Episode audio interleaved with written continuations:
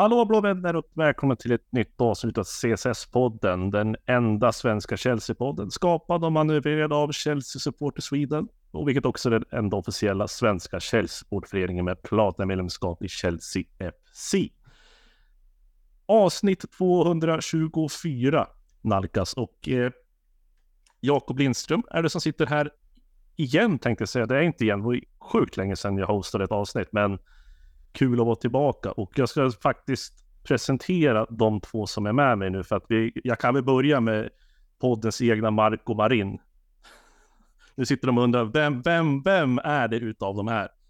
Jag ska låta er fundera en liten, liten, liten, liten stund bara. Ja, presentera mina gäster ska jag säga också. Gäster och gäster, medsittare, co-host, slash allt i allo. Det är eh, krönikörer och det är poddare och det är skriverier till höger och vänster. Och Viktor Lidvall, skitkul att sitta och köra med dig igen så här. Är läget bra? Ja, men detsamma Jakob. Jag, jag eh, väntar fortfarande med spänning på avslöjandet om vem, vem Marco Marin är och i så fall vem den andra av oss skulle vara. Men eh, du ska få fortsätta. Vi, vi, ska, vi ska suga på den ett tag till, så jag tänkte att vi kan hålla lite grann så lyssnarna kommer att stanna kvar i hela avsnittet bara för att veta vem som är vem. Eh, jag, jag vill ju också slänga in, Marco Marin är ju inte kanske den absolut bästa värvningen som Chelsea har gjort genom alla tider. Det, det finns ju några sådana att plocka på.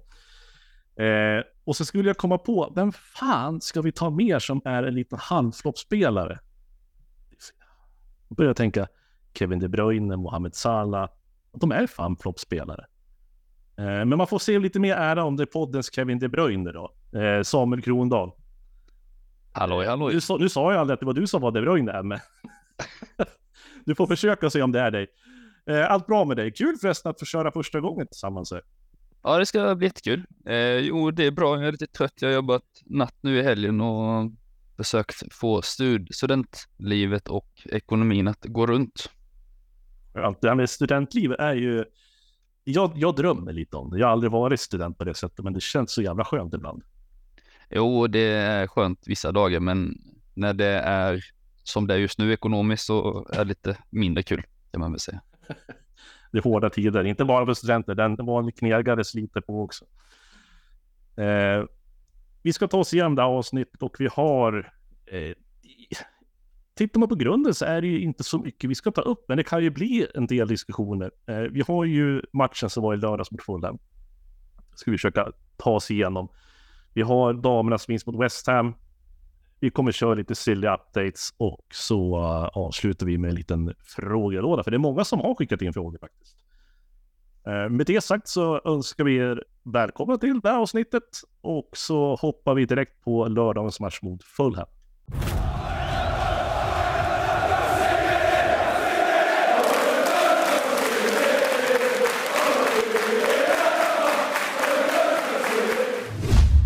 Då så.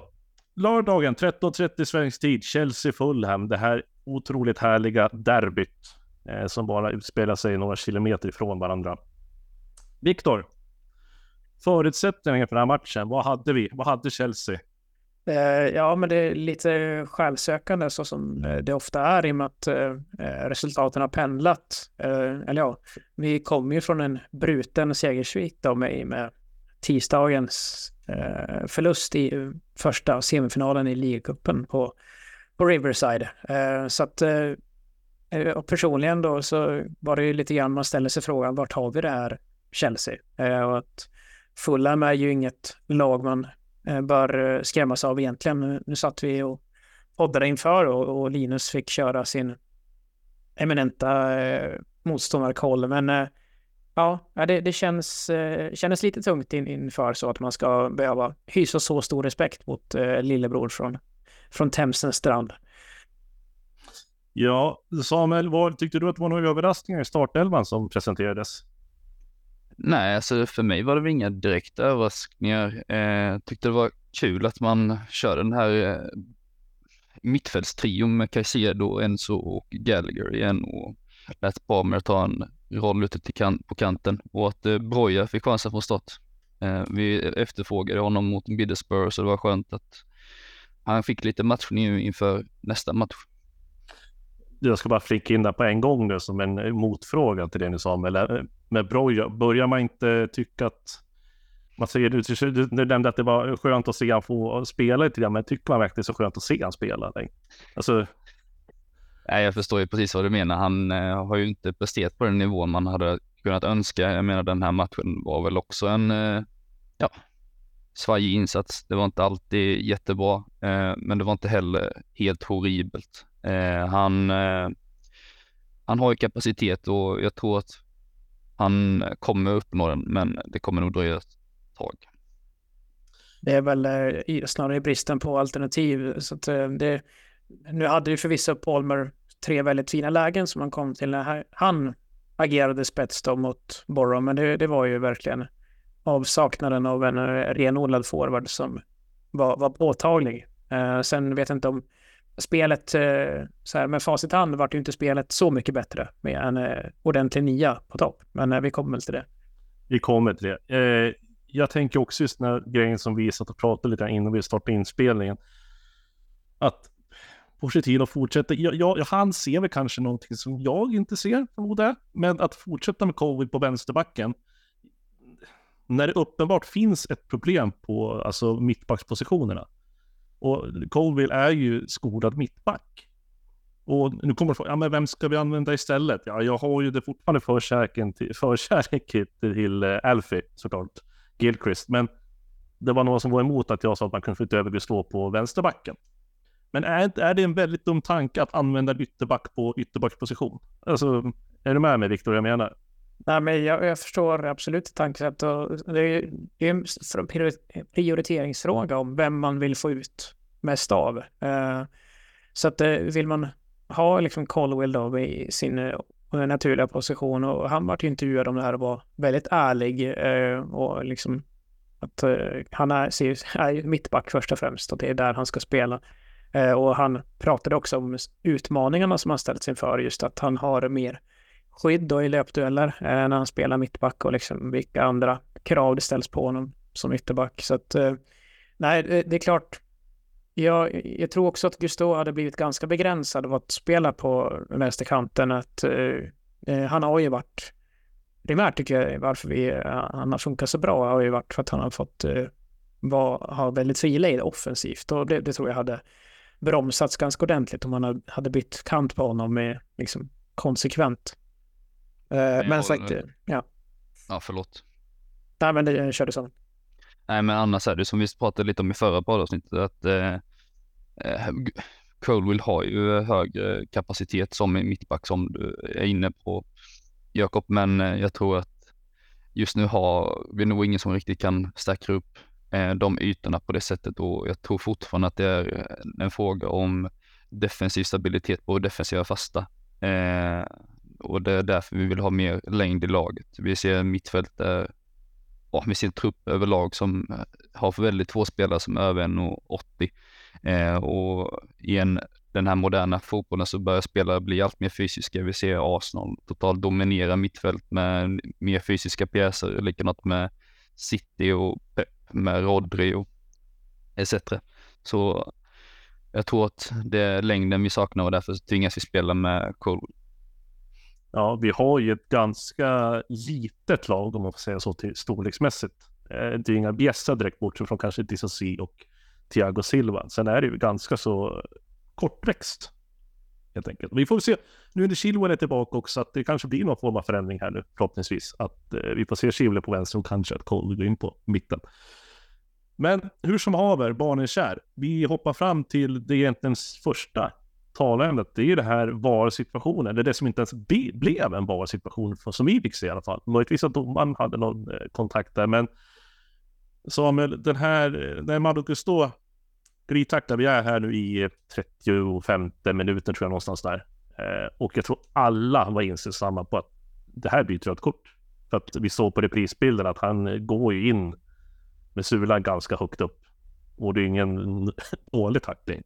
Men det händer ingenting. Det är ett gult kort, men inget mer. Det är, det är ganska konstigt med tanke på kontroversiellt vad det har varit senaste tiden. Jo, jag håller med och jag tycker det är konstigt att det inte stannades upp och granskades mer noggrant och att man inte åtminstone tillkallar första domaren och huvudansvarig att ta det sitt beslutet där själv. Eh, men eh, ja, jag tror vi, vi får väl unna oss lite tacksamhet härvid eh, till domarkåren och det är väl inte så ofta vi kan göra det. Nej, det var, det var jättebra för oss såklart, men eh, det hade kunnat sluta riktigt illa. Eh, ett rött kort där redan, då hade vi det hade blivit tufft. Eh, det har vi sett förut. Eh, Viktor, vi, vi skapar fram ännu mer nu egentligen. Det är för att här emellan så, det är ju inte så jättebländande underbar fotboll vi får se i första halvlek. Det kan ju ingen säga. Det går långsamt, det är fel pass, det är liksom, visst vi har lägen att göra mål, men det är inte som att man är Chelsea 2012 här vi tittar på. Straffsituationen, Viktor, ta oss igenom lite grann, vad är det som händer? Ja, men det är ju eh, Raheem Sterling som eh, hade en hel del tid ändå i, i offensivt eh, straffområde. Eh, få eh, bollen till sig och eh, ja, han är, är ju snabb i sina eh, sidledsförflyttningar och eh, det är väl Adebayo med varning på, på uttalet, är det Diop som, som sträcker ut benet? Och det, det, är klart, det är ju kontakt där när Sterling faller, men samtidigt gör han ju ingen ansträngning för att komma bort från det här utsträckta benet. Eh, så att ja, jag tycker väl nog att eh, det är straff, men samtidigt så är det ju en ordentlig förstärkning från, från Sterlings sida. Men, eh, men straff blir det. Och Cole Palmer, han kliver fram så som han gjort förut och är fruktansvärt kylig. Alltså han, vad hade vi gjort utan denne Palmer? Det, det hade sett så dåligt ut. Ja, han är väl uppe nu i han direkt inblandad i 15 mål tror jag sedan han kom till Chelsea i alla tävlingar. Eh, och då är det fem straffmål kanske av dem. Stämmer. Eh, och nio som han har gjort.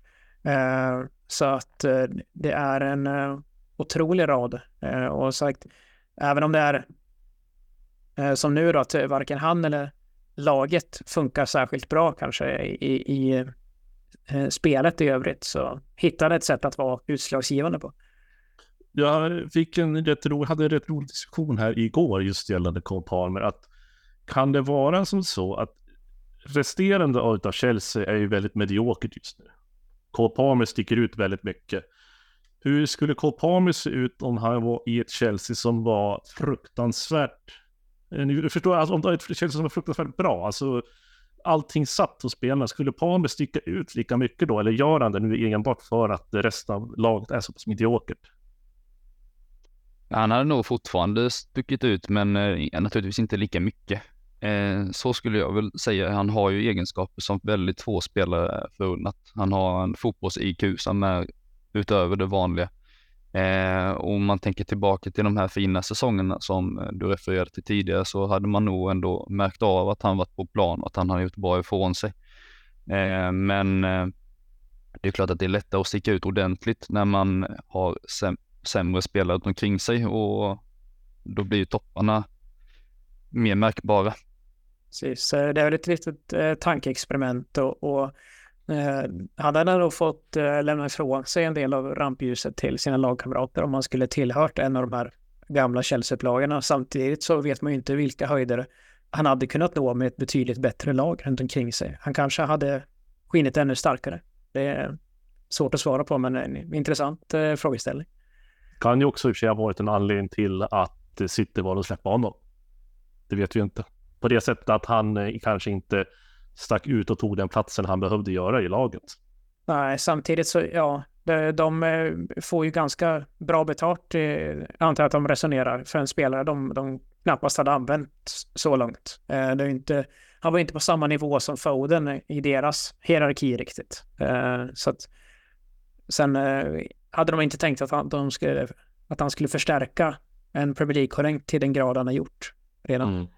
Sen ser vi ju rätt tydligt att Peppe släpper ju spelare som inte vill vara kvar längre och det var väl just det som Carl Palmer efter, han ville ha speltid och det kunde han inte få garanterat i City och Pep rent historiskt har ju alltid låtit spela, om man inte heter Bernardo Silva, eh, lämna ganska fritt.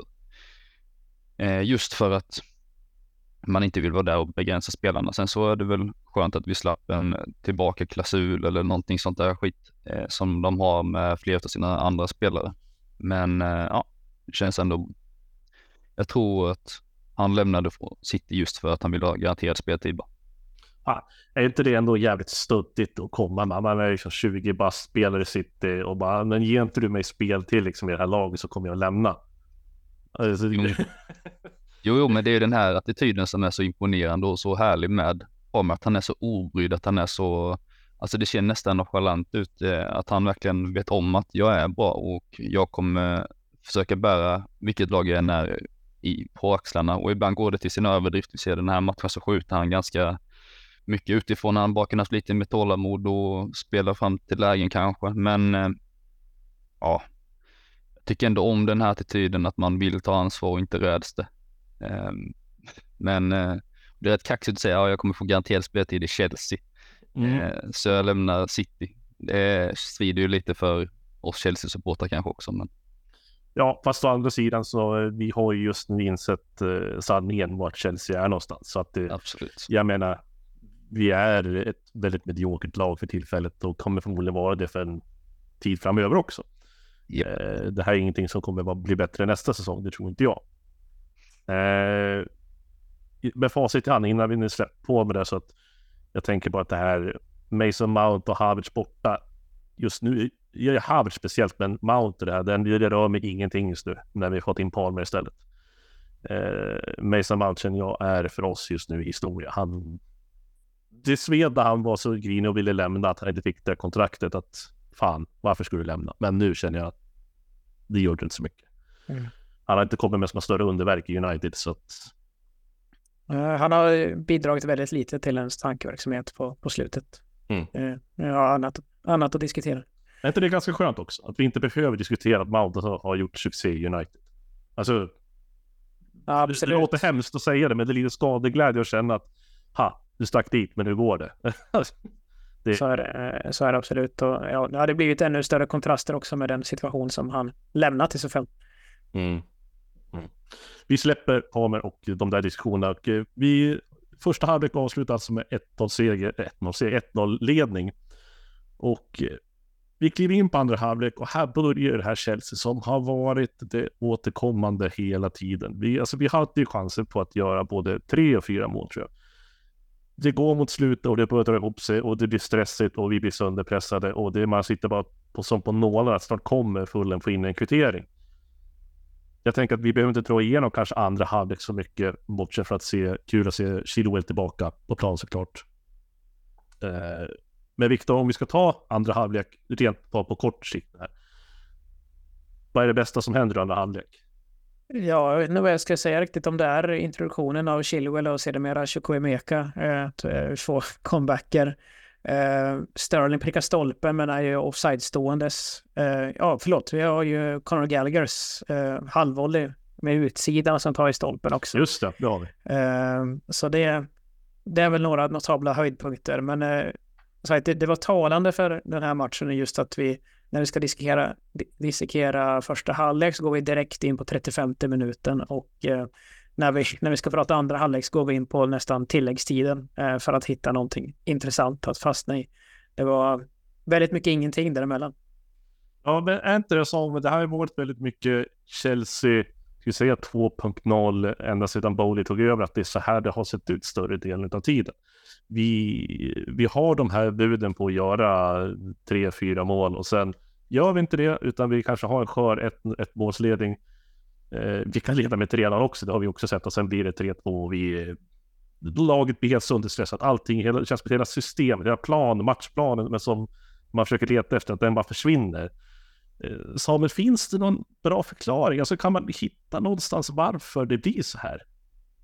Oh, det där är ju ett uh, tunga fråga, men eh, det finns. Försök att suga på den. Ja, eh, det finns ju naturligtvis en hel del eh, att ta av vårt spel. Jag menar, vi, vi är bland de långsammaste uppbyggnadslagen i hela Premier League, bland annat. Vi ser lag som Liverpool som eh, kommer till skott väldigt snabbt från eh, målvakt, medan vi är ungefär mellan tredje och fjärde långsammaste slaget spelar upp, vilket gör att det blir rätt mycket lättare att eh, försvara mot och sätta sig lågt och försvara med hela laget om det skulle behövas.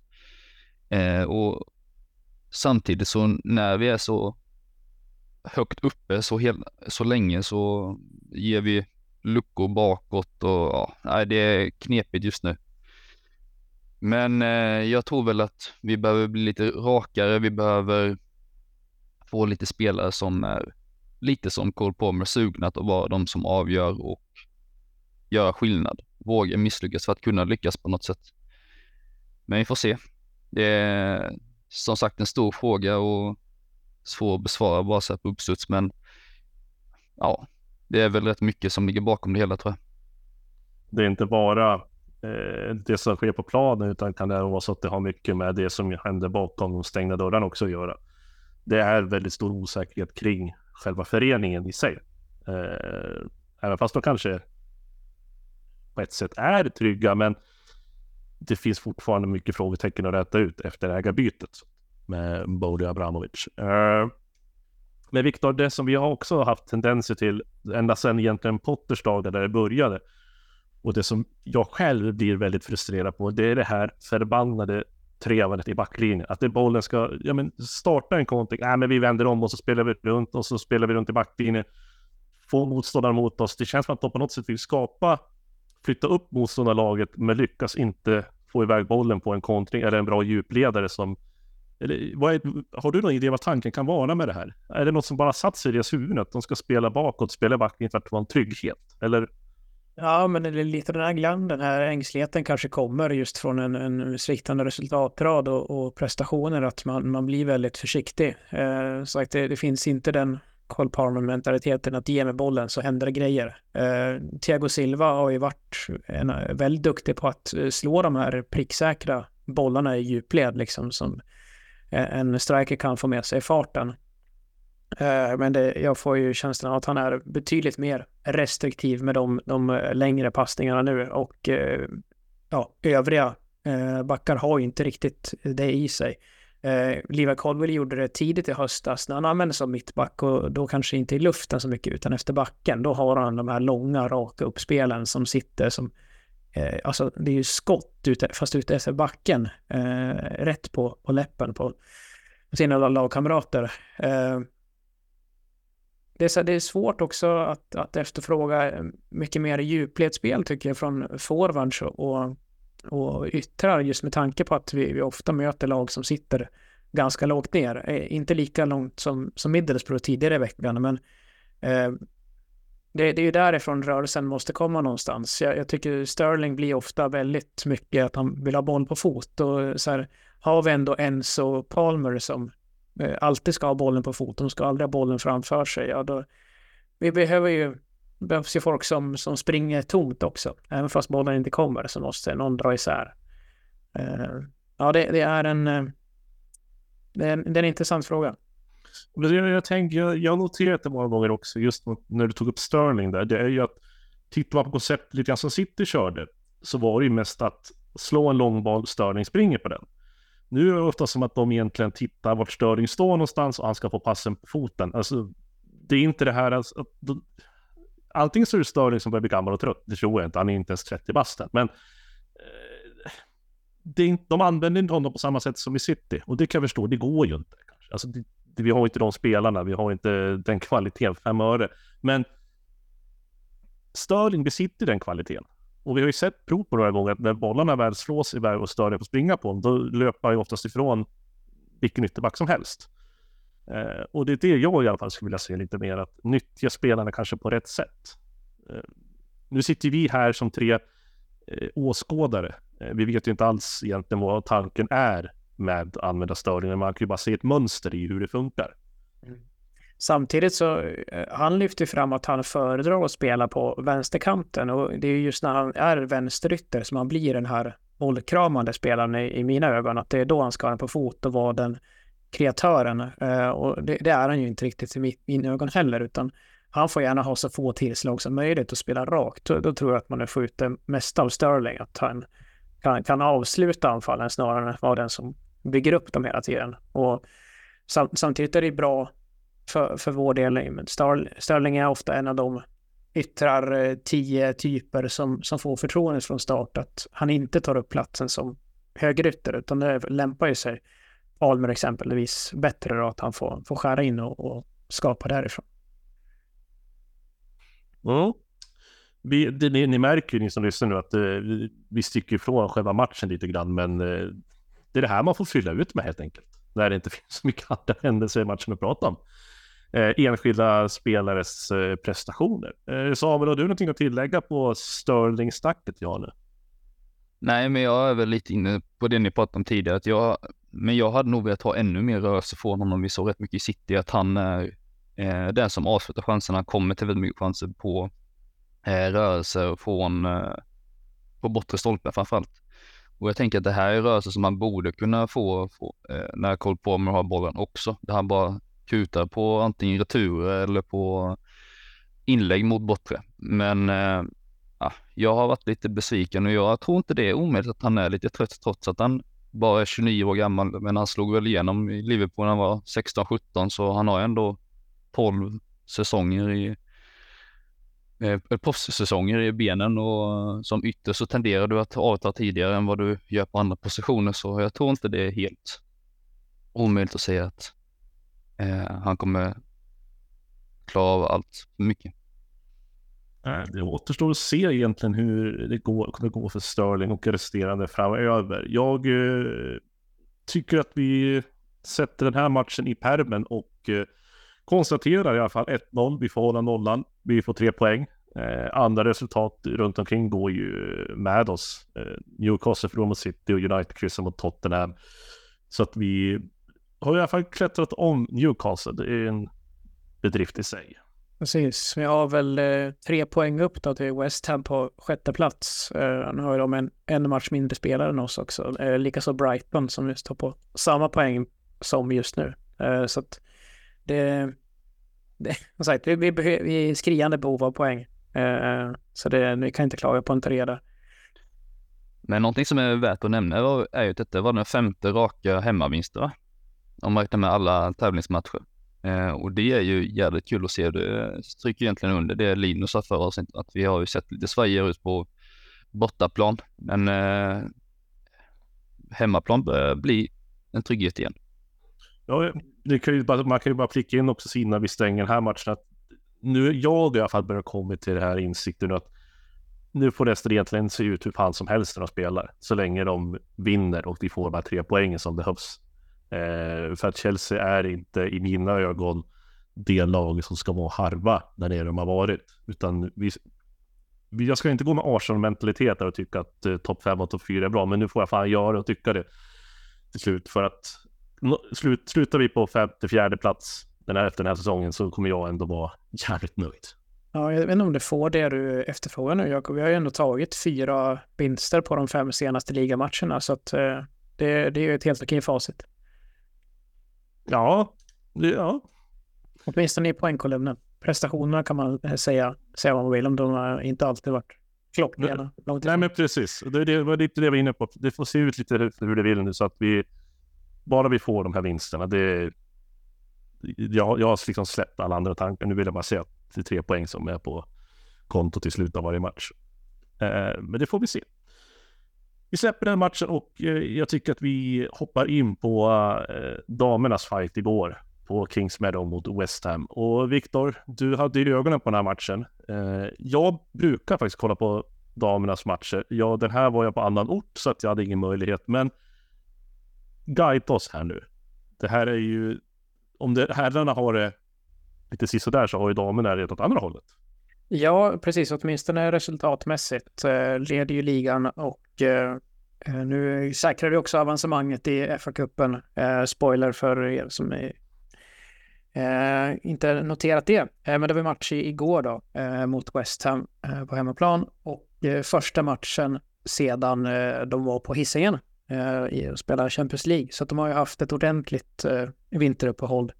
Eh, det här var ju också första matchen sen det stod klart att eh, Sam Kerr har eh, skadat korsbandet och har ju opererats nu då. Så på topp var det ju intressant att se vem som tog över. Lauren James var det som fick ansvaret där ursprungligen.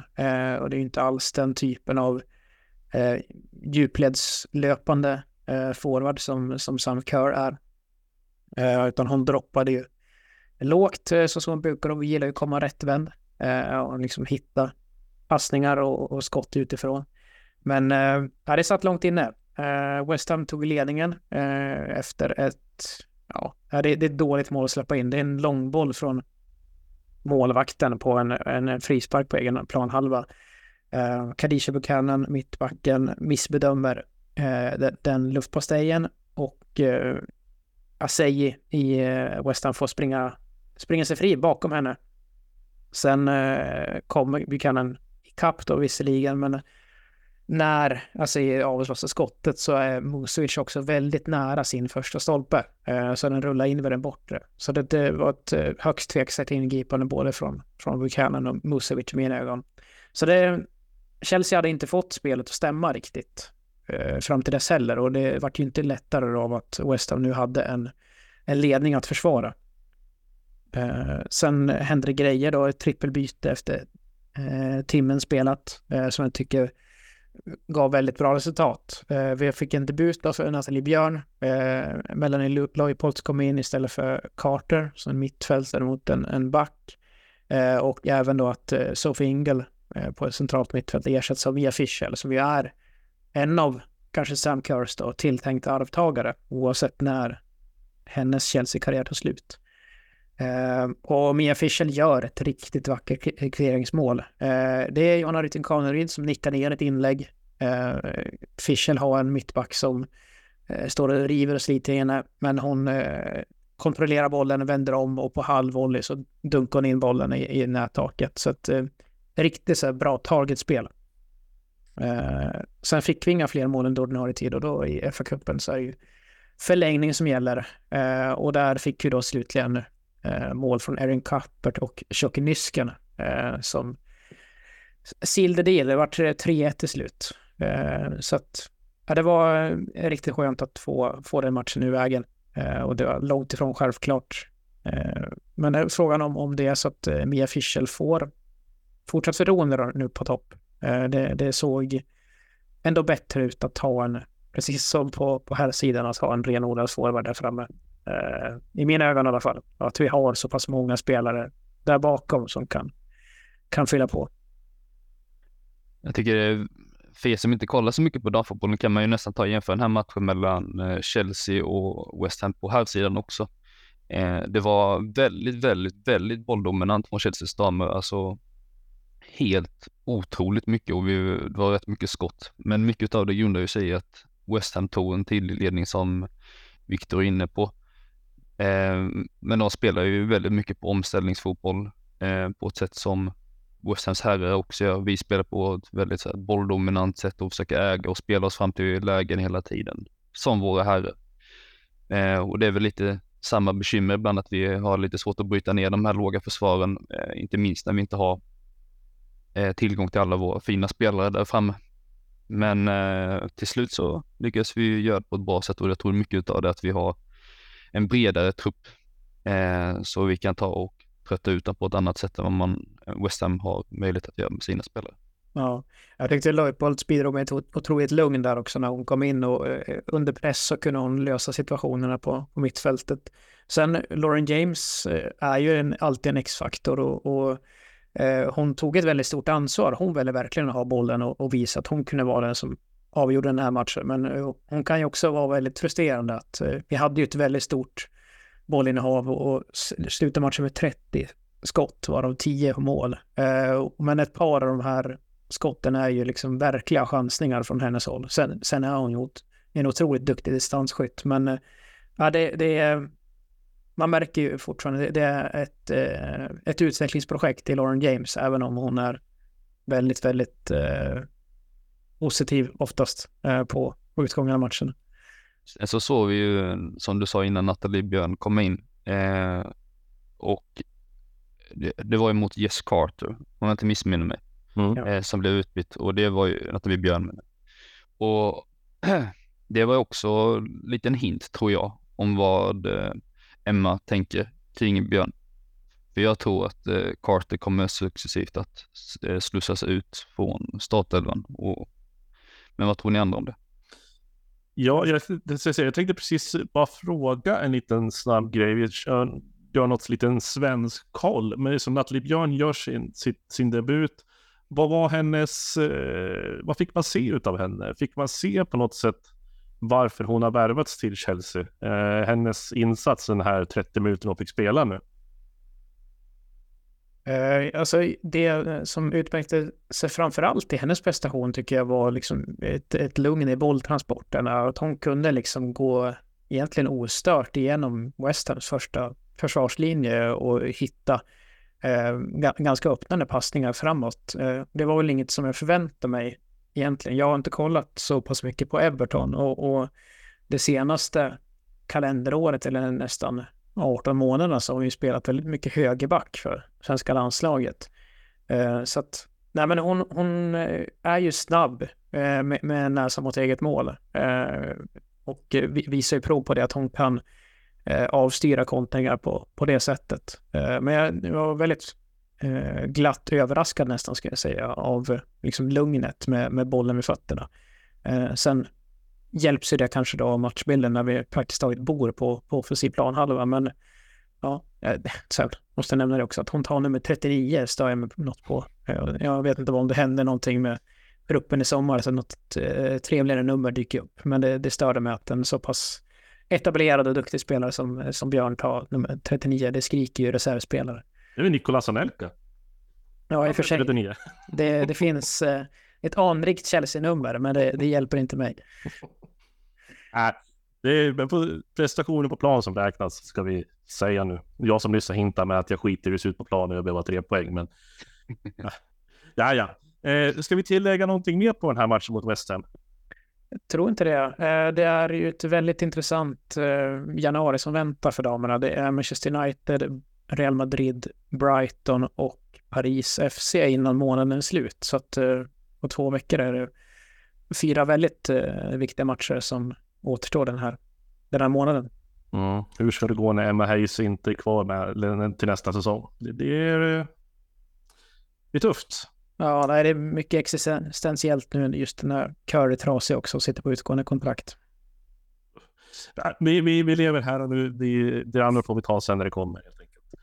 Eh, vi släpper alltså då eh, 3-1-segern till Chelsea West Ham här och eh, nu tänkte jag att vi ska kliva in på lite eh, rykten och skvaller. För att Samuel, du har ju det senaste vad gäller Silly uppdateringar här och jag bara sitter och funderar här nu.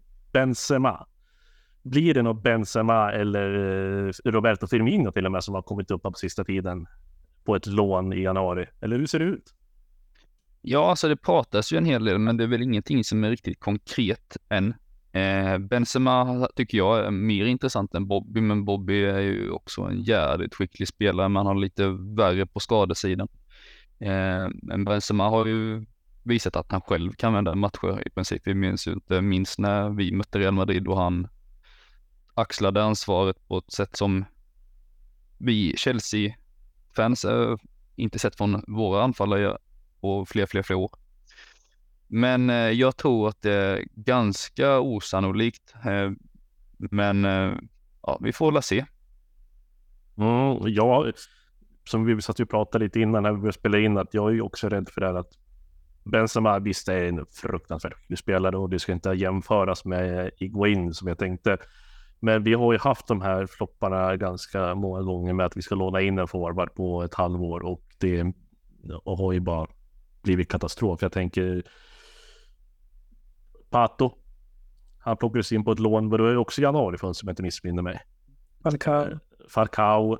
Eh, ja, Iguain har vi då såklart. Eh, så det, det, finns ju några i den här skalan att plocka som inte alls har lyckats. Och vad är det som egentligen skulle tala för? För det här ryktet har intensifierats mer och mer av just Benzema till Chelsea.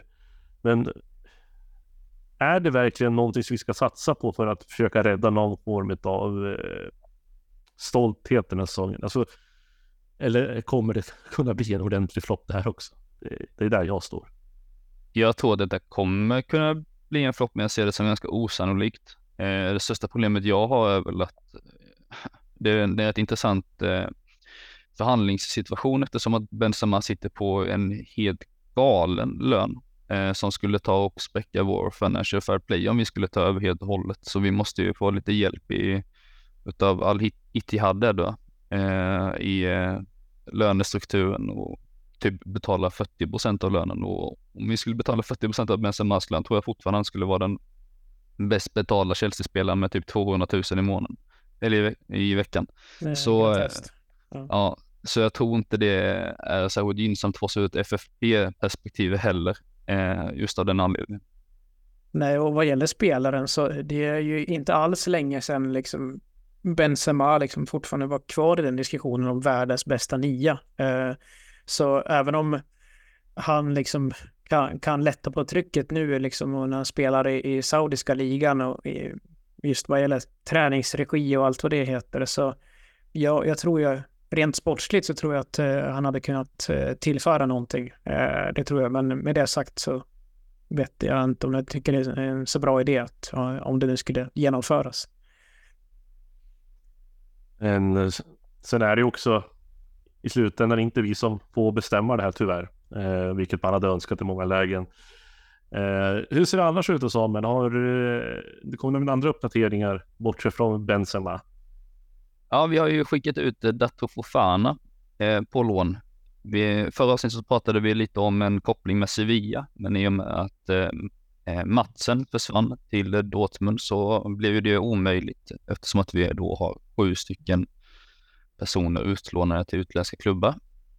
Men Fofana hittade ett nytt hem i Burnley och det här tror jag kan vara ett ganska, en ganska bra utlåning. Burnley spelar ett på ett sätt som påminner väldigt många av de här storklubbarna. Eh, sen har de inte kvaliteten för att göra det på ett bra sätt. Men just spelsättet påminner väldigt mycket eh, om exempelvis Chelsea, City och Brighton. Eh, så på så vis tror jag det kan vara en ganska bra utlåning om han skulle få speltid. Det är väl bara den rätt stora petitessen. Och just det att han kanske får just Premier League-erfarenheten också. Eh, ja. Det är väl det som jag, jag, kan se det här som är det absolut viktigaste. För det är skillnad på att vara i spanska ligan, skillnad på att vara i tyska ligan och givetvis norska ligan. Men Premier League, han har ju varit med och tjänat på några gånger, men jag tror fan får han lite mer tid så det kan, det kan bli bra. Ja, det här är en ung kille som har fått hoppa runt jädrigt mycket så jag tror att om han får lite trygghet och stabilitet runt omkring sig så kan han nog blomma ut och bli en väldigt bra spelare. Vi såg ju, det var inte bara vi som var intresserade av honom så det är ju en spelare som har gjort att många klubbar är intresserade.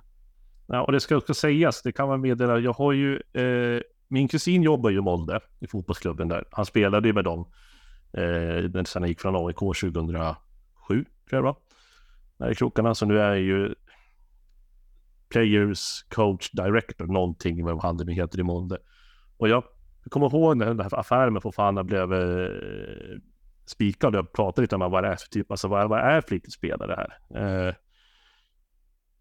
och jag fick väl som svar egentligen att tänk er Didi Drogba. När hans första år i Chelsea. Han var ju han var inte så jättehyllad. Han var väldigt mycket så, vad är det vi har plockat in? Lite typ som Niklas Jackson är nu. Eh, ge han tid så kommer det, för att han har liksom, han är ett sånt jäkla kraftpaket. Eh, och får han bara lite erfarenhet i Premier League så kommer, kan det här bli en, det kan bli en jäkligt bra spelare, intressant att följa. Mm. Jag tycker det passar väl in med de med det jag kunde ta del av under hans begränsade Premier League-erfarenhet hittills. Att han visar upp en väldig förmåga på att uh, skydda bollen och liksom uh, både djupleda uh, eh, starkt där och liksom fram, men framförallt tag i spelet, utan det är väl just det här han är ju fortfarande väldigt ung och det var som beslutsfattandet som, som lämnade en del att önska. Det vi har sett med Jackson sista veckan är att han ska göra allting själv. Han hade svårt att släppa ifrån sig bollen, Datro Fofana, när han hade gjort en eh, väldigt bra första, andra touch så var den, den tredje väldigt märklig i den kontexten. Så att eh, nu, nu slåss ju Burnley för ett kontrakt så vi får se vem kompani vill ge speltid till. Men jag, jag håller med Samuel också att det, det kan vara ett väldigt nyttigt lån för Fofanas del. Mm. Vi släpper Fofana där. Hur ser det annars ut, Samuel? Ja, det har kommit upp lite uppgifter idag, om, eller om det var i, sent igår, om Ian Matsen och att vi har en, eller Dortmund har en utköpsklausul på honom som eh, ligger på 30 miljoner pund. Så det är alltså inte omöjligt att vi fått se det sista av Matsen i Kungsblott. Eh, vi får se lite hur han lyckas i Dortmund om de vill göra det till verklighet. Sen så har vi en, ett riktigt, riktigt typiskt Clear, Lake-rykte. Eh, och det är Estevao eh, Viljan. Det här är en jätteung, född 05, eh, lovande brasse med som går under smeknamnet Messinho, alltså lilla Messi. Eh, så hör och häpna, han är en vänsterfotad högerytter. Typ sjätte, om vi skulle ta in honom eh, i truppen, i A-lagstruppen som vi tagit in under Clearlek bara. Eh, och till vardags så spelar han för Palmeiras, men inte för deras A-lag främst, utan oftast för deras U20-lag. Eh, han har fått göra ett inhopp för A-laget bara. Eh, han har en skrämmande hög release clause. Eh, vi snackar 60 miljoner euro för en kille som gjort 17 minuter A-lagsspel. Eh, men det, det vore som sagt en väldigt typisk Clear Lake-värvning, men jag är väl inte så stort fan av den just nu. Är det, ska jag ta fram jodburken med salt och köra över micken på en gång eller är det liksom eh, mer att det skulle kunna bli verklighet? Alltså det här är oroande på ett sätt. Nej, det här är ju saker som Fabricio har publicerat om oh. och eh, sagt att eh, Chelsea är bland de mest intresserade. Eh, det är vi och Barcelona till men Barcelona har inte ekonomin för att ta fram de här summorna. Sen vet jag inte om det skulle krävas de här summorna. Det kan bli att vi kan lyckas göra någon annan förhandling på något sätt, att vi kanske kan skicka David Washington på lån dit liksom. Nu går ju inte det som att vi har alla, eller så många spelare utlånade, men jag tror nog inte vi kommer spendera 60 miljoner euro. Det väger jag att tro. Det har, det har ju hänt. Eh, ja. Ska vi väl kanske säga. Men jag menar, jag har fått en liten varningsklocka att nämns det nya Messi, nya Ronaldo på en spelare? Nej tack. Alltså nej. Vi, det är ingenting vi vill ha. För att alla de som nämns som nya Messi, nya Ronaldo etc. Det, de floppar ju oftast bara. Det händer inte så mycket mer. Apropå Marco Marin. ja, nu vet jag, jämfördes han med Messi? Ja, han var den tyska Messi, absolut. Så att jag menar, det, vi, vi, ska inte gå den där vägen, tycker jag. Eh, då, är jag. Då är jag mer för att ta in Benzema på ett lån. Istället för att lägga de där 60 miljonerna på en eh, spelare som vi inte, man vet inte dugg om. Det, det, känns, nej, det känns inte alls tryggt. Finns det några värre än det där att ta del av nu också? Värre vet jag inte. Det är väl eh, att eh, Eh, Brentford och Thomas Frank har pratat rätt mycket om Ivan Tone de senaste veckorna och vi har ju varit kopplade samman med honom rätt många gånger tidigare och fortsätter att vara sammankopplade med honom. Och eh, han, de säger att det finns ett genuint intresse om flera klubbar, men att han inte är till salu och om han skulle släppa så måste de, man betala väldigt, väldigt, väldigt mycket. Så vi snackar ju om att detta är en miljardspelare numera. Jag noterade att han gjorde fyra mål i någon B-lagsmatch här när han håller på gång att eh, komma igång här. Men det känns ju också som sannolikheten just att de skulle släppa ifrån honom ifrån sig i januari har ju eh, minskat avsevärt i och med att en Bohem har gått sönder också. Så de är ju väldigt stort behov av en, en eh, rutinerad PL-striker. Ja, definitivt. Och sen så ska han göra sin eh, comeback eh, mot Forest den 20 januari. Så jag tror ju inte att någon PL-klubb skulle vilja ta och köpa honom innan man har fått se honom tillbaka och då skulle vi snacka om en ett tio dagars fönster innan transferfönstret stängs. Eh, och eh, då måste vi förhandla fort och då hinner ju Brentford inte ta in eh, ersättare troligtvis. Så nej, det är nog ingenting jag ser som så otroligt heller. Eh, sen, sen så om vi går vidare till utgången så har det varit ganska snålt på den sidan. Det är rätt få rykten som eh, ja, är i luften just nu. Vi ser inte så mycket om Chaloba, vi ser inte så mycket om någon av våra andra spelare på något sätt.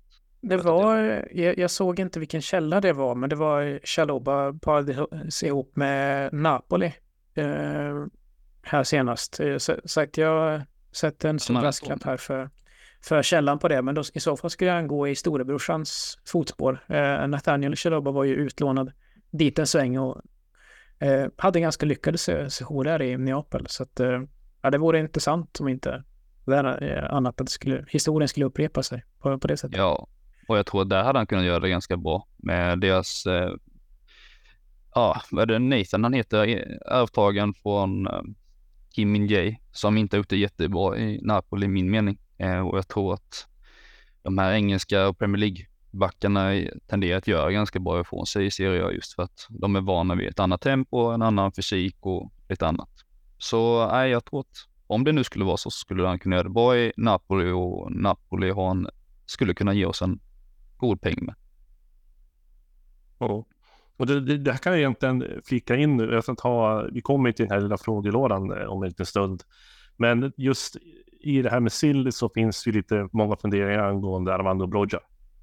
Mm. Eh, det är en hel del röster, inte i, våra kretsar med CSS-podden, så jo, några stycken, men mycket röster som säger att, att han har ingen framtid i Chelsea. Eh, att han måste söka sig någon annanstans.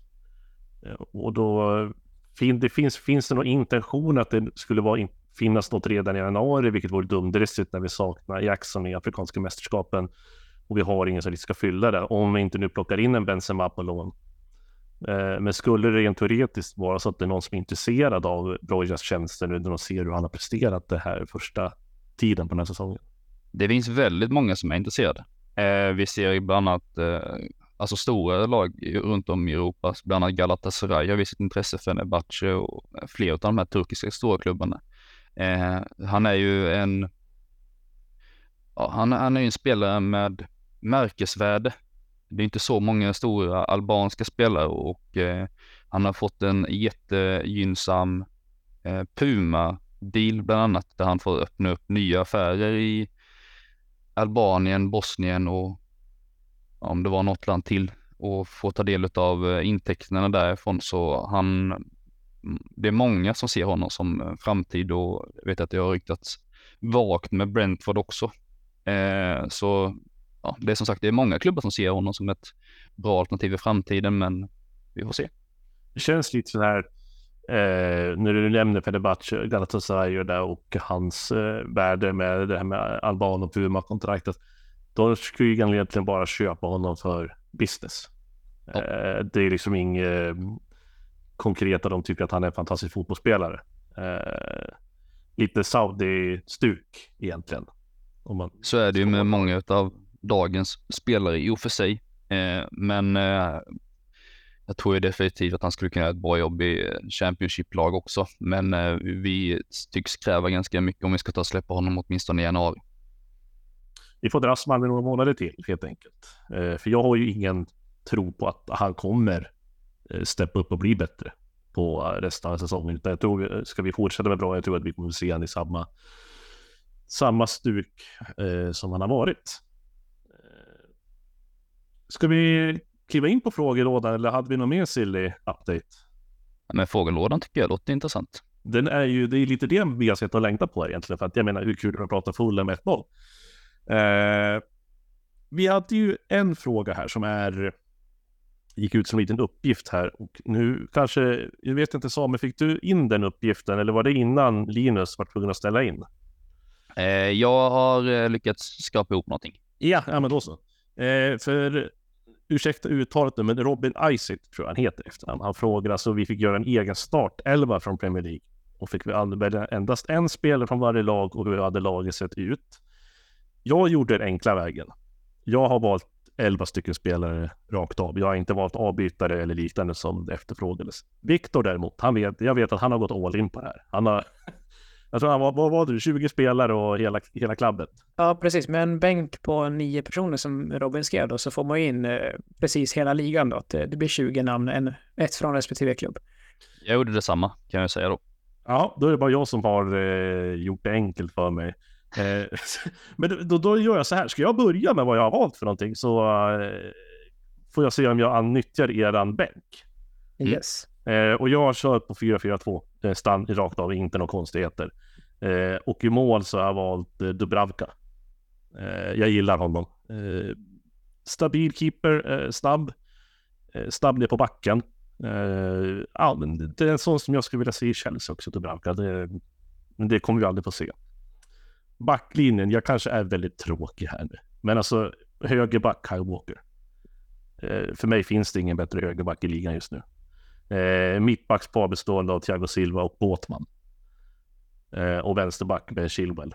Och nu ska vi tänka på att det, jag, jag tar, nu tar vi inte om spelare långtidsskadade eller skadade, utan jag känner väl mer spelare som är aktiva i laget. Men det förstår vad jag menar. Så även om Chilwell har varit skadad och inte spelat så mycket så väljer jag ändå honom för jag vet vad han har för kvaliteter.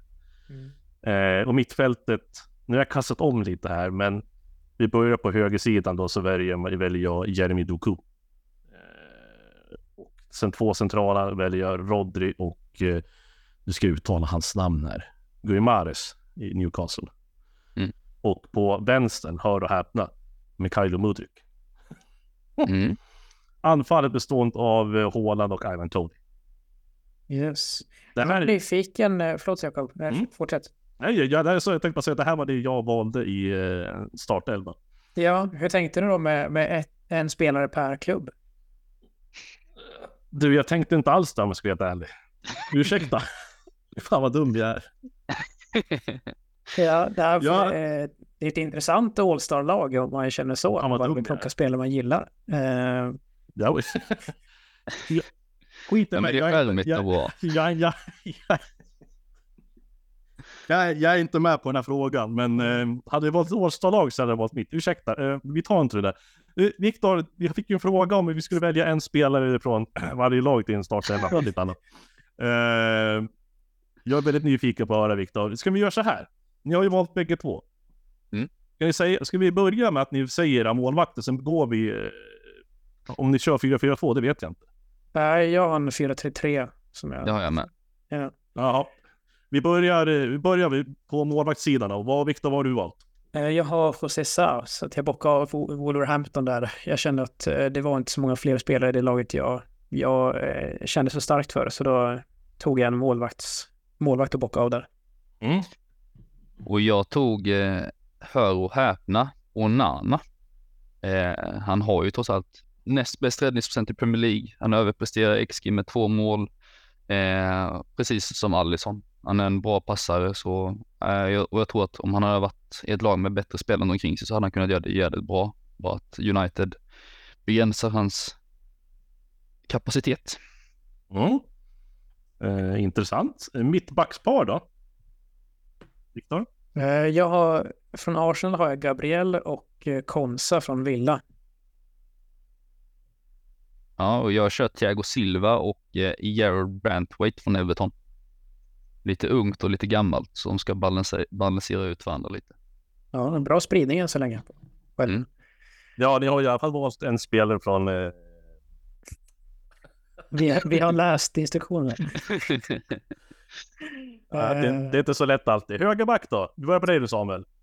Jag tog eh, Trippier. Eh, just för att han, eh, han har hållit en hög nivå de senaste matcherna, eller de, de senaste fem åren typ.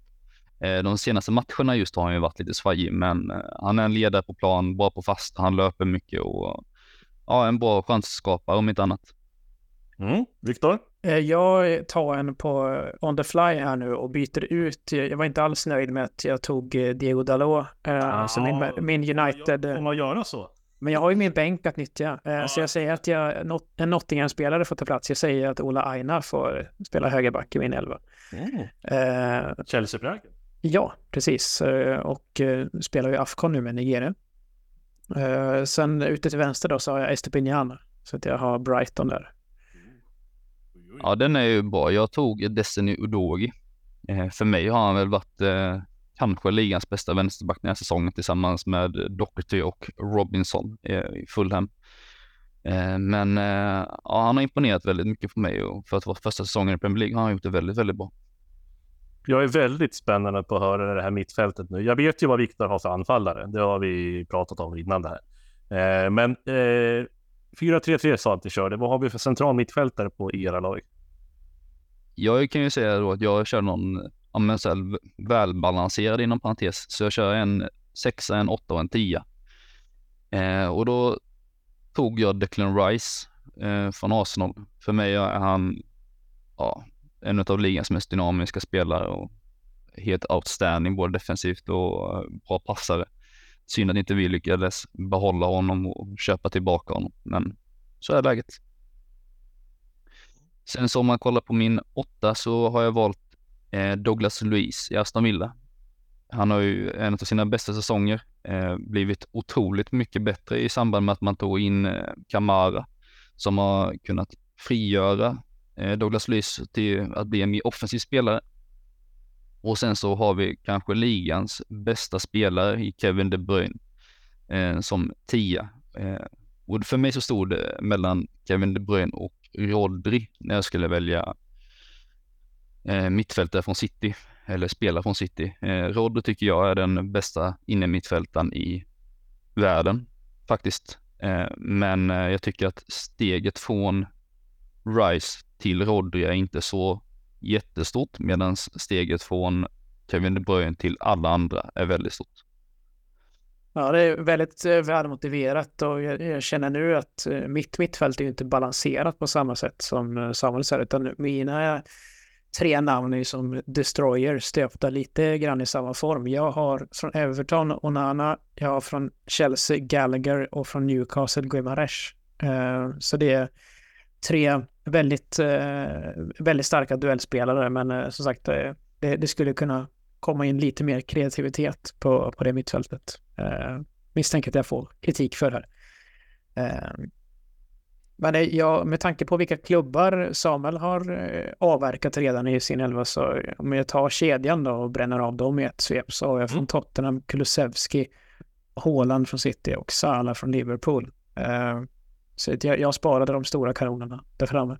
Mm. Det gjorde definitivt. Jag tog eh, Sala. Salah Eh, sen tog jag Tony där framme. Jag tror han kommer kunna involvera hela laget på ett sätt som eh, Håland inte riktigt skulle kunna göra och just därför valde Tony över Håland. Jag vill kunna se mer av Salah i djupledet. Jag vill kunna ta mer, ja, mer, se mer av De Bruyne och Douglas Luiz och mina kära yttermittfältare. Men så tog, eh, och den andra och sista yttermittfältaren är då Kairo Mitoma. Otroligt farlig duellspelare som jag imponerats väldigt mycket av sen han slog sig in i Brightons startelva. Yes. Där, har, där har ni alltså startelvorna eh, plus en All-star-elva som jag tillkommer. Eh, ska vi gå igenom era bänkar lite snabbt bara? Där behöver vi kanske bara rabbla upp eh, de nio spelarna som ni har valt då i, eh, som avbytare. Vi börjar med dig då, Viktor. Jag kan bränna av dem. Mm. West Ham, Ward Prowse, Crystal Palace, Olysee, eh, United, Dalot. Eh, Burnley har James Trafford som målvaktsvikarie. Eh, Sheffield har ju svårt, jag tog Hammer. Eh, Brentford har Tony, Fulham, Calvin Bassey, Luton, Adebayo och Aarons från Bournemouth. Mm.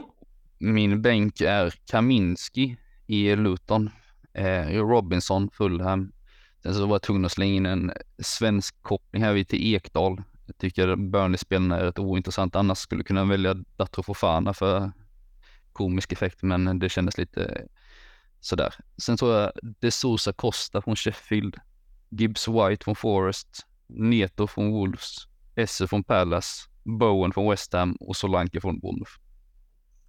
Det är ju ruggiga lag alltså. Det, det får ju ge. Tony är den enda vi har gemensamt va? Mm. Det, är, det är nästan bra. Ja, Salah med va? Salah, Salah precis. Ja. ja. Eh, och så ni inte slutat där. Vem är lagkapten här nu då? Ja, för mig här har jag ju rätt mycket. Jag, jag upplever att jag har ganska många ledare. Vi har ju Tony som skulle vara, kunna vara kapten. De Bruyne kapten i eh, Declan Rice är kaptensmaterial.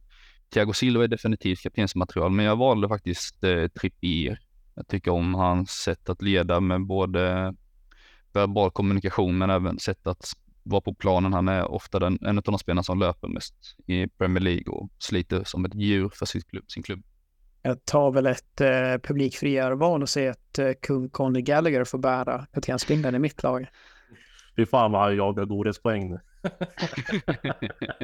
Ja, vi får väl passa på också att uppmana lyssnarna här att eh, ta eh, Robins fråga och i kommentarsfältet när vi släpper podden så skriver hur hade eran 20-mannatrupp Ja, och eh. jag tar då en spelare från varje lag. Gör inte en Jakob på den där Uh, nej, jag får be om ursäkt till Robin Isaac om han uh, tog illa upp av att jag inte förstod frågan fullt ut. Eller jag förstod den, men jag vet inte vad jag drömde mig bort. Yes. Uh, straffläggare då? Där valde jag Ivan Tony, säkerheten själv. Ja. Faktiskt. Han får bli inbytt i mitt lag om det blir straff. straff i 20 minuter in med Tony. Ja. Frisparksläggare? Eh, för mig var det ett enkelt val, Kieran Trippier. Jag har ju också en, en in, inhoppare som är väldigt vass, uh, Ward Prowse. Uh, jag antar att uh, Salah får ta ansvaret igen. Mm. Och där har ni alltså de älvorna presenterade och eh, Viktors uppmaning var sagt i kommentarsfältet. Skriv gärna eran eh, dröm elva, favorit elva eller den bästa, det ni kan tänka er på Robins kommentar så får vi inte så rörigt. Eh, vi hoppar till nästa fråga från eh, Anton Johansson. Vem är er otippade favoritspelare i Chelsea genom åren? Alltså inte de mest uppenbara i Hazard, Drogba, Lampard, utan mer otippade som man inte riktigt kan förklara. Minnet David Luiz, älskar honom, kan verkligen inte förklara varför. Eh, så vi gör så här att jag skickar den här först till eh, Viktor. Eh, ja, det är frågan vilken hylla man ska rikta in sig på. Eh, som sagt, Hazard, Lampard, Terry Drogba. Det är ju liksom på en status som det är, klart det är allas favoriter. Jag tycker på hyllan precis under så finns ju Michael Essien tror jag hos väldigt många. Men det, det var en spelare jag förälskade mig i. Alltså när jag Eh, precis hade liksom hittat eh, internationell fotboll, fotboll-tv och just att, att supporterskapet till Chelsea inleddes. Eh, om det då är, som sagt, den, den kärleken kan jag absolut förklara för Essien var grym. Eh, Bison. Precis. Går vi ytterligare ett hack ner på den här eh, i, i Chelsea-butiken så André Schürrle var en spelare som jag tyckte väldigt mycket om och som jag tyckte försvann alldeles för fort från Chelsea. Sen visade det sig att han ville pensionera sig väldigt tidigt från, från eh, proffslivet. Så det, det kanske var rätt att eh, Chelsea anade vart det barka. Men eh, jag tycker att han bidrog väldigt mycket under sin, sin korta Chelsea-karriär. En riktigt fin gubbe. Mm. Sommer? Ja, det här är ett svår fråga faktiskt, men jag måste nog ställa mig bakom eh, David Luiz faktiskt. Eh, själv var jag en jävligt offensiv mittback eh, i mina dagar. Jag hade en säsong där jag landade på typ 20 mål. ofta att jag bara sprang upp och drämde till den och hoppades på det bästa. men annars så blev jag lite förvånad att inte Viktor nämnde Kanté på en av de här högre hyllplatserna. men de två skulle jag väl säga. Mm. Och ska jag svänga in med någon här? Jag satt och pendlade mellan två stycken här. Nu är jag väldigt långt ner i den här lilla grytan och gräver, men det är ändå några som har trollbundit mig. Eh, eftersom min 11 blev fel, för jag välja två spelare här då. Jag bara kastar ut namn. eh, den första, det här är ju en spelare som jag fastnade för. Jag såg honom eh, några få. Han gjorde inte så många framträdanden i Chelsea. Det här är nu mellan 2001 och 2002. Slavica Jukanovic, en serb, eh, även varit tränare för Fulham och Watford om jag inte missminner mig. Men den här mittbacken, alltså han var, det var ett monster. Han gjorde inte så många matcher, men han, jag förstår ju varför, för att han, han spelade med sån stil så att han gick ju sönder när som helst för de saker han gjorde. Alltså han var helt sjuk. Eh, det var en liten sån här side nu, men den som jag egentligen tänkte lyfta fram, det är Juri Kirkov. Okay. Eh, jag gillade han som tusan som vänsterback. Eh, han hade bra kvaliteter både bakåt och framåt och jag minns det fortfarande målet han gjorde, tror jag, mot CSKA Moskva i Champions League när han eh, klipper till den med riktigt sån här fin hoppvolley, alla, alla di Canio eh, från utanför straffområdet och den seglar in så jäkla snyggt. Och hans mentalitet Kirkom också att han, eh, var också någon match när han blödde som tusan ur huvudet. Men han eh, var bara ut och fick eh, lite lindad runt huvudet och sen fortsätta mörsa på i samma stuk. Han trivdes väl aldrig riktigt i Chelsea. Eh, kom väl aldrig till rätta i London heller, så det var inte så långlivad karriär för honom. Men eh, på mig gjorde han avtryck i alla fall. Ja, jag tror du prickar in eh, Antons fråga bättre än Robins. Du väl ganska obskyra namn ändå. Mm. Särskilt Jukanen. Ja, det var en bjässe. Det är en sån spelare vi behöver idag. Eh, ska vi ta nästa fråga då? Eh, du, du, du, du, du, du.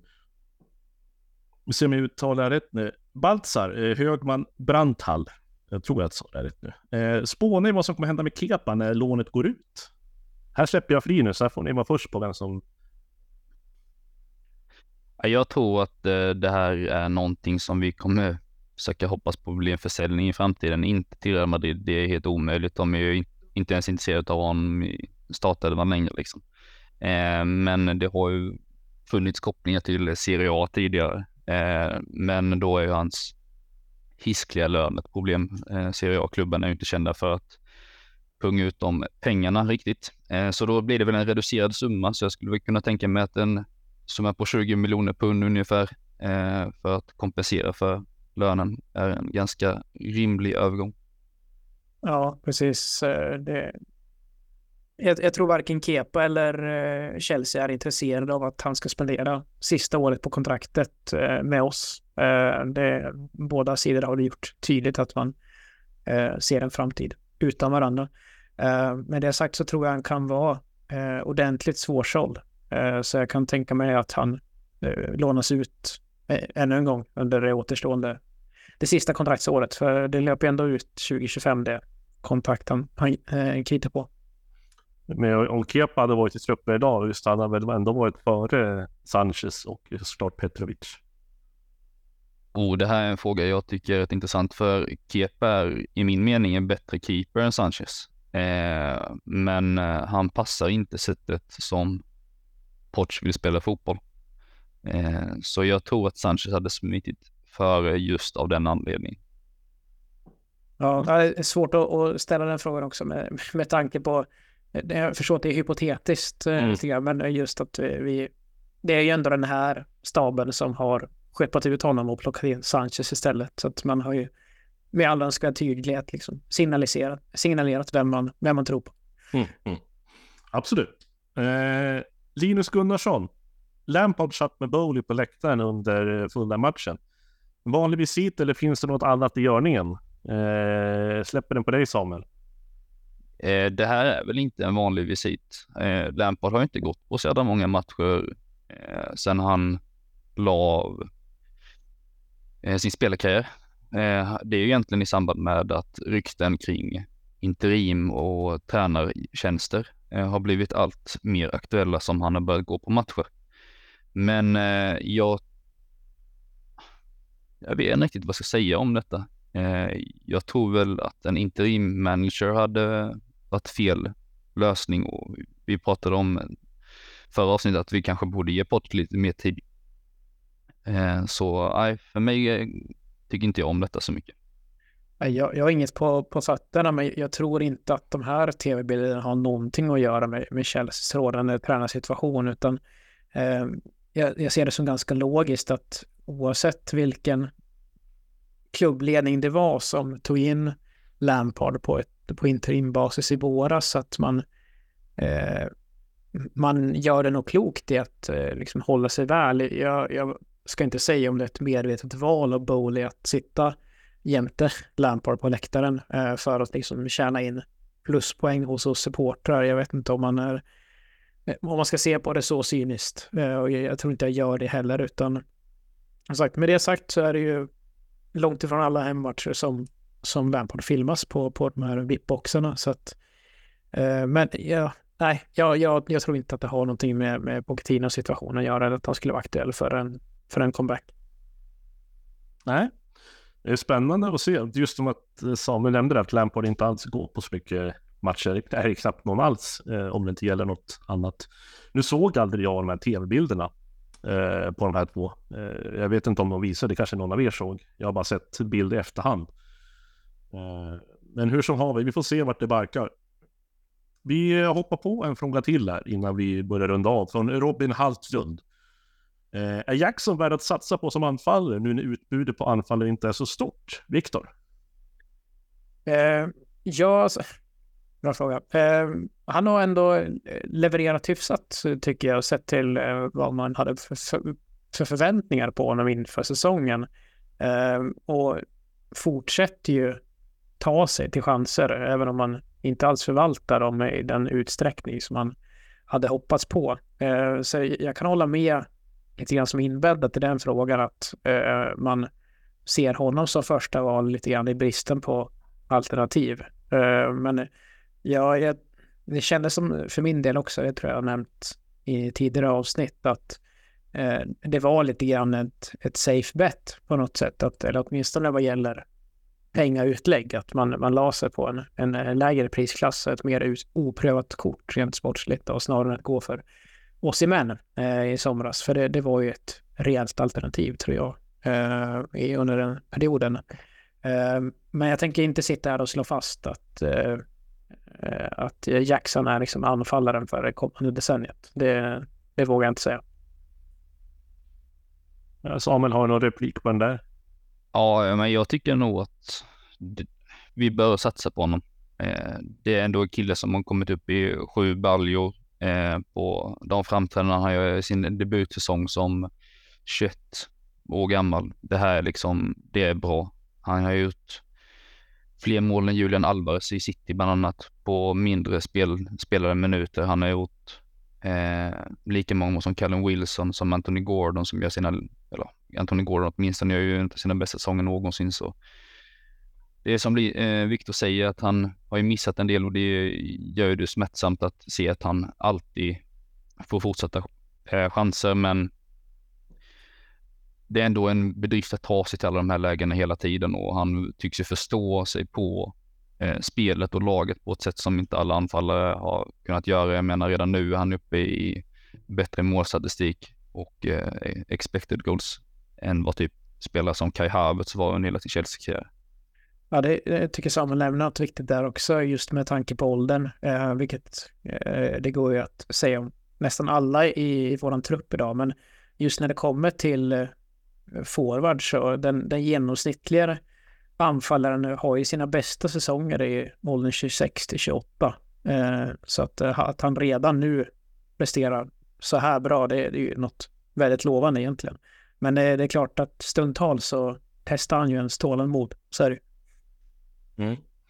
eh, Jag känner att vi hinner med två frågor till egentligen, sen eh, får vi tacka för den här frågelådan för den här gången. Eh, så att vi tar Riyad Sabanovic, han har frågat flera frågor här, så att jag har bara plockat ut egentligen en som han har frågat, eller några som vi har gått igenom redan. Eh, börjar det bli dags att fasa ut Silva som stått för en del blunders? Eh, och jag tänker att jag kan hugga på den första och svara. Och jag tycker så här att jag tror tanken från början var nog att Silva skulle bli lite utfasad med tanke på eh, mittbackarna som vi har. Däremot så har väl inte klaffat riktigt så som det är tänkt. Och därför har Silva fått ha kvar sin plats som, eh, ja han har ju bevisligen den rutinen. Men vi märker på att från när Silva kom till oss kontra nu så har det ju skett en, det sker, händer mycket i kroppen på, i den åldern. Eh, det går lite långsammare, eh, men han likväl är med på plan. Han försöker och han krigar. Och även det som du Viktor nämnde i början innan vi började spela in här med att det syns mer när Silva gör ett misstag än när någon annan gör ett misstag. Eh, jag tror det var så du förklarade det. Du får rätta mig sen om jag har fel. Eh, men jag tror att det är nästan mitt svar i alla fall är att tanken var att Silva skulle fasas ut, men det har inte, det har inte klaffat på de andra positionerna heller. Nej, men det, jag tror det väl, ligger väldigt mycket i det, det du säger Jakob, att eh, just Fafana går sönder, Badiashil går sönder. Um, ytterbackarna är trasiga så att Colwell flyttas ut på en, på en kant. Så att, uh, nej, jag, jag Eh, tyckte det var väldigt tydligt under Graham Potters ledning och eh, så att eh, Silvas minuter eh, var någonting som han hade stenkoll på liksom. Eh, och, nej, så att han hade nog kunnat haft en, en ännu bättre säsong kanske då. Eh, om han hade, inte hade eh, använt så hårt som, som han har gjort. Eh, och det, det jag var inne på där lite grann också att Dissasi är ju en spelare som aldrig gör något märkvärdigt egentligen. Men det, det kan ju också framhållas som en positiv egenskap. Att eh, som mittback ska du inte synas så mycket. Eh, men det är just att eh, när Silva hamnar på efterkälken så har han ju ingen chans att, att komma tillbaka. Utan eh, han, hans ålder blir ju tydlig där när, eh, när han missbedömer. Eh, därför ser jag omställningen. Eh, med det sagt så tycker jag ändå att han har varit en av de, eh, eh, stått för flera och de bättre prestationerna vi sett från våra backar den här säsongen. Mm. Jag tycker väl att han har haft nästan högst toppar men också djupast dalar den här säsongen av våra mittbackar. Eh, väldigt mycket ge och ta och jag tror det som ni har varit inne på båda två att man behöver väl se över hans minuter. Eh, och jag kan tycka att det är dags att fasa ut honom för just som det är så påverkar han vårt sätt att spela lite för mycket åt det negativa. Vi kan inte riktigt hålla den här höga backlinjen på eh, som vi behöver för att kunna spela den här anfallsfotbollen och för att inte vara så öppna för kontringar helt enkelt. Eh, så jag tror att det är dags att börja fasa ut honom. Men det är svårt att säga nu när det är ja, strax, efter, strax efter halv, ja, lite mer än halvvägs in i säsongen och säga att nu är det dags att fasa ut. Jag hade ju, ja, nu har, verkar det som att vi har lite att spela för och då är det kanske bättre att ha honom på planen då. Mm. Absolut, men fortfarande Silva, jag känner att han behöver kanske inte ha alla de minuter han har, men kunna skicka in han med tio minuter kvar och försvara en ledning eh, hade ju varit guld värt. Att bara ha någon som står och mörsar. Sista frågan då. Ska vi skämta till det lite grann från Andreas då. Vem i laget har bäst frisyr just nu? Eh, det här släpper jag fritt nu så får vi köra när alla tre då. Ja, nu saknas ju eh, vår eh, frisyrexpert eh, Linus Sjöström när vi ska diskutera. Ja, han brukar ha många, många åsikter. Eh, det är för att Linus själv har haft samma frisyr sedan han var tre. Nej, nu skrattar man sånt. Förlåt Linus. Uh, ja, bra fråga. Ja, jag vill klura lite grann på den här. Är det någon som är top of mind för dig som... Nej, nej men däremot så är jag väl lite frågande till varför han inte har nämnt Mudrik som bland de värre. Eh, att han har den här rakade triangeln eh, längst fram är någonting som stör mig fruktansvärt mycket måste jag säga. Att han inte har benen och långt hår hela vägen utan att han har en liten triangel som ska kunna ja, sånt samma. Eh, ja, men Enzo har väl en eh, ganska bra frisyr ofta. Eh, jag tycker inte om när han blonderade så mycket eh, och jag tycker han bör ha det relativt kort. Men annars så har väl han en ganska bra frisyr. Han är ju duktig på att variera sig. Det känns som att han, han har lite olika takes varje vecka, mm. Enzo. Eh, han och Sterling. Precis. Eh, Gustav är, är ganska också eh, duktig på att byta om där. Eh, ja, jag tror just det, när det var pratat hår i den här podden så har det handlat mycket om Conor Gallagher. Ja. Och jag, oavsett om det är det svallet eller om det är i den knuten nu, så här knutar har väl varit lite uttjatad där kanske sista fem sex åren. Men nej, jag, jag, jag tycker om när Conor Gallagher har, Gallagher har det utsläppt. Det, det svallet det är svårslaget. Det, jag, jag röstar på Conor. ja, men alltså Gallagher, han är ju våran posterboy. Det, det, det, det, går inte att säga så mycket emot det. Och jag, jag, jag slänger också mitt slag på Gallagher faktiskt. Så att eh, då har vi på den i alla fall då. Yes, två och tre. Jajamän. Eh, och jag hoppas att eh, Linus att du inte tog illa upp av min kommentar om min frisyr. Det var inte illa menat. Det skulle bara vara ett litet skämt. Men jag tror han klarar det. Vi har kört nära frågelådan nu. Vi avrundar avsnittet genom att bara... Det är ju en tid kvar innan vi ska ha returen mot Millsbro. Och den här elefanten i rummet. Eh, trots att det är hemmaplan så finns det lite ångest som eh, gror i det här. Vi har ju en förlust med oss mot dem och vi ska ju ett mål och helst två mål. Men helst inte släppa in någonting heller om jag förstår det rätt. Så att Viktor, förutsättningen för det, här, om vi tar det lite kort nu, för det kommer ju förmodligen bli eh, ett avsnitt till tror jag innan den här matchen. Ja, äh, får vi diskutera sinsemellan hur det blir. Men äh, förutsättningarna, de är ju svåra att, eh, att eh, lägga ut. Eh, det är som, de är ju så kryptiska de här, de här intetsägande uppdateringarna som kommer inför varje match. Men jag kan inte tänka mig annat att i och för sig nu är ju Chilwell och Chukwemeka tillbaka. Men eh, jag tror i alla fall att eh, vi kommer att få se en startelva som är väldigt lik den vi fick se mot, mot Fulham. Eh, även om Broja inte riktigt tog chansen. Så, så, så ser jag, har jag väldigt svårt att se att eh, ska ställa upp på något annat sätt. Mudrik är ju tillgänglig av allt att döma. Men nej, jag, jag har svårt att se honom slå sig in. Eh, det, det, skulle vara eh, Ben Chilwell då kanske, som är närmast att konkurrera. Men eh, samtidigt det här bytet som, som skedde, då var han ju för att stänga ner vänsterkanten framför Levi Colwell. Nej, han gick inte in som vänsterback. Så att, eh, förutsättningarna är liksom sådana att vi har ett, ett underläge att vända. Och eh, jag, jag, tror att eh, elvan kommer att vara väldigt lik den vi såg i, i helgen. Men det är, det är också åtta dagar kvar till match när vi spelar in det här avsnittet. Mm. Samuel, vad går du in för tankar? Är det... Du räknar med stor vinst eller känner du ångest? Ja, men eh, det är svårt att inte känna ångest eh, faktiskt. Eh, det här vi, möter ett, vi ska möta ett Middlesbrough som ska försöka hålla nollan mot ett lag som har svårt att bryta ner låga, eh, lågt sittande försvar. Och de sitter alltid i en fembackslinje och hoppas på omställningar. Och vad är vår största svaghet? Jo, det är defensiva omställningar och defensiva fasta. Så äh, jag tror detta kan bli ganska tufft, men jag, jag känner mig ändå ganska hoppfull i att vi har det här starka hemmafacitet och jag tror faktiskt inte att det är omöjligt att man väljer att sätta in Cole som vänsterback just av den anledningen att vi måste forcera framåt. Eh, plus att Cole, eh, Chilwell är en snabbare spelare än Colewood.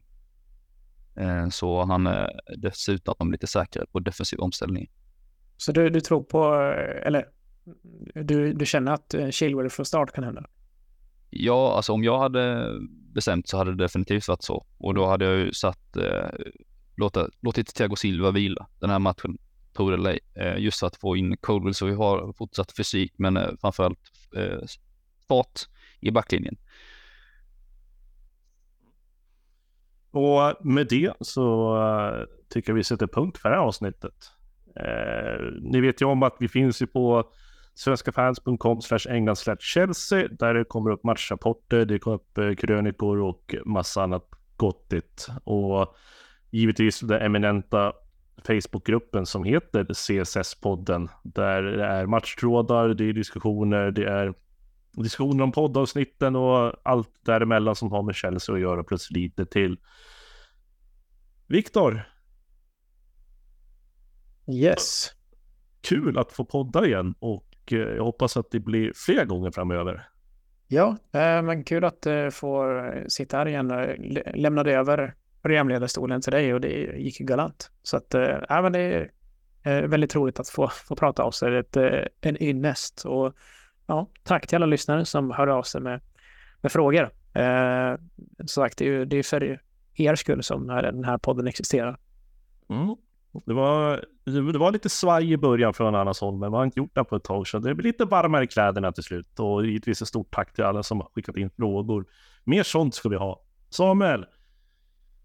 Fruktansvärt kul att köra första gången tillsammans med dig. Eh, påläst och kunnig och svara på sånt som man vill ha svar på, tycker jag. Det är alltid jävligt kul. Eh, jag minns när vi satt, när jag började med det här första gången, det här kanske var nu två, tre år sedan till och med eh, när jag eh, skulle ta tag i taktpinnen på en gång efter eh, Donny. Och eh, man hade lite podderfarenhet. Man hade podderfarenhet med att köra olika poddar, men sitta och prata fotboll är man ju jäkligt duktig på när man sitter på en pub och dricker några pilsner. Då är man riktigt babblig och bra. Uh, när man kom, började komma i sådana här sammanhang då, vad ska man säga egentligen som inte låter för illa? Men eh, jag tycker att alla som är med i den här podden sköter med bravur och det är kul att det tillkommer nytt folk också. Eh, och jag ska passa på att skicka till Patrik att ända sedan han tog tag i den här pinnen efter min del så har han gjort ett jäkla bra jobb. Eh, och som sagt alla andra runt podden också. Men men fler gånger blir det. Eh, vi syns och hörs väl förmodligen någon gång i framtiden. Eh, vi säger på återhörande och up the shells.